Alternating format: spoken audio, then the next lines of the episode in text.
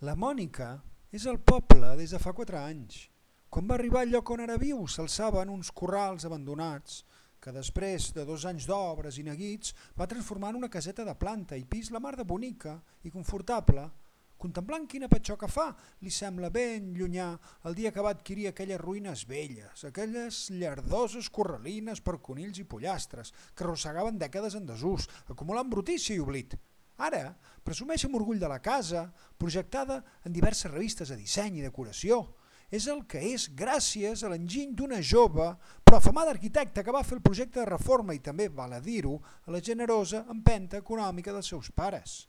La satisfacció serà plena aquest estiu, quan podrà gaudir de la nova piscina, construïda tot aprofitant el buit d'un bessot que havia caigut en desús qui sap els anys, en deixar d'acumular aigua per regar l'hort, abeurar les bèsties i fer bugada als humans. Però la Mònica està molt emprenyada amb el Ramon, el seu veí, que acaba d'ampliar l'explotació porcina. Sense cap respecte per la integració paisatgística, ha instal·lat a poc més un centenar de metres de casa seva dues naus prefabricades, de murs de formigó sense remolinar i cobertes de xapa ondulada. I per si no n'hi hagués prou, a moda de mascaró de proa d'un estrafolari catamarà naufragat en terra ferma, ho ha rematat amb una sitja blanquiblava enorme. No s'ha pres ni la molèstia d'envoltar-ho amb un conjunt d'arbres afilerats que almenys n'alleugeririen l'impacte visual. Ella, incapaç de digerir l'anuig, li ho ha fet saber en Ramon, però aquest li ha contestat que ningú li ha de dir què pot i què no pot fer a casa seva, i molt menys una pija, forastera com ella.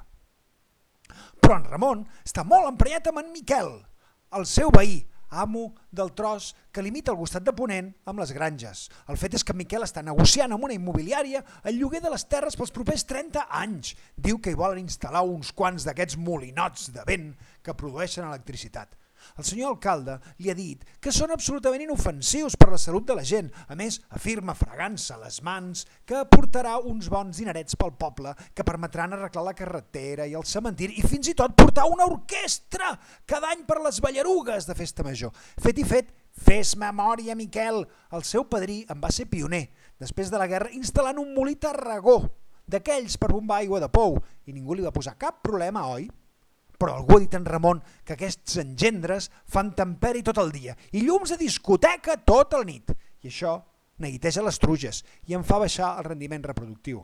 A més, ha invertit uns estalvis familiars en arreglar la casa pairal i fer-ne allotjament rural per rebre turistes de la capital afamats a tipar-se dels encants de la vida a la ruralia mentre endrapen cancel·lada i llonganissa i tem que el giravolt de les aspes li espantin també la clientela. Així l'ho ha fet saber el veí, però en Miquel li ha contestat que ningú li ha de dir què pot i què no pot fer a casa seva, i molt menys algú que s'ha deixat omplir el cap per arguments dels ecologistes que volen frenar el progrés i dels pixapins que només volen fer-se fotos a l'Arcàdia rural per penjar-les a l'Instagram. Però en Miquel està molt emprenyat amb en Jaume, el pagès que mena els camps adjacents a la banda de mitjorn. El fet és que el veí s'ha comprat una màquina recol·lectora més grossa i més moderna que la que fins ara tenia. I per aprofitar les perspectives d'alça del preu del cereal i fer més via en les feines del camp, ha eliminat els marges de pedra seca que separaven els bancals. De la concentració n'ha resultat una única finca, en lleugera pendent contra les terres on han de plantar-se els aerogeneradors. A més, el molt capsot no se li ha hagut una altra cosa que llaurar seguint el pendent del terreny, per tant, quan plou torrentada, s'escola tota l'aigua avall i forma grans xaragalls al camp d'en Miquel i el que de per si ja seria casus belli en remou les fites. En Miquel així li ho ha fet saber, però el Jaume li ha contestat que ningú li ha de dir què pot i què no pot fer a casa seva, i molt menys algú que es pensa que tornarà als temps dels padrins que birbaven a mà, llauraven amb matxo i segaven a cop de fals. Però en Jaume està molt empreat amb l'alcalde del poble, en Josep, perquè li ha denegat el permís d'ampliació del magatzem per desar la nova màquina recol·lectora a la finca i té el cobert que va aixecar son pare fa uns 40 anys per tancar el tractor, les eines i quatre trastos més, però ha quedat petit. L'enginy no hi cap, ni per alçada ni per amplada, i com que li ha costat un dineral, no vol deixar-lo a la intempèrie, a mercè de les inclemències del temps i dels saltamarges que corren de nit.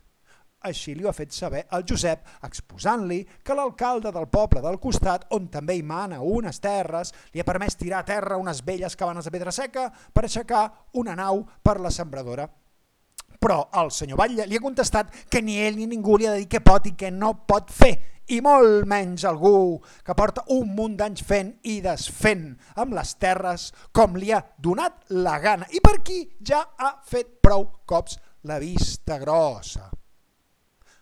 Però en Josep està molt emprenyat amb la Mònica, una nouvinguda de ciutat que fa 4 anys que va aterrar al poble. La noia va comprar per 4 rals unes corralines i, amb una simple llicència per restaurar-les, les va fotre a terra per construir un habitatge que excedeix gairebé doble les normes urbanístiques. No content amb això, ara, sense encomanar-se ni Déu ni el dimoni, s'ha fet construir una piscina sense llicència d'obres i, a més, l'ha emplenat amb l'aigua del punt de rec municipal.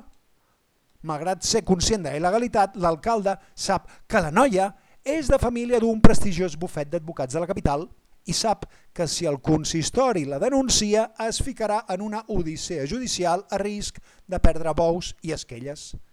No obstant, li ha comunicat que allò no està bé però la Mònica li ha contestat que ningú li ha dit què pot i què no pot fer a casa seva, i molt menys un alcalde capsot i sense estudis, que fet i fet, si manté el càrrec és gràcies a les amables donacions que gent com la família d'ella fan al seu partit amb constància i militància.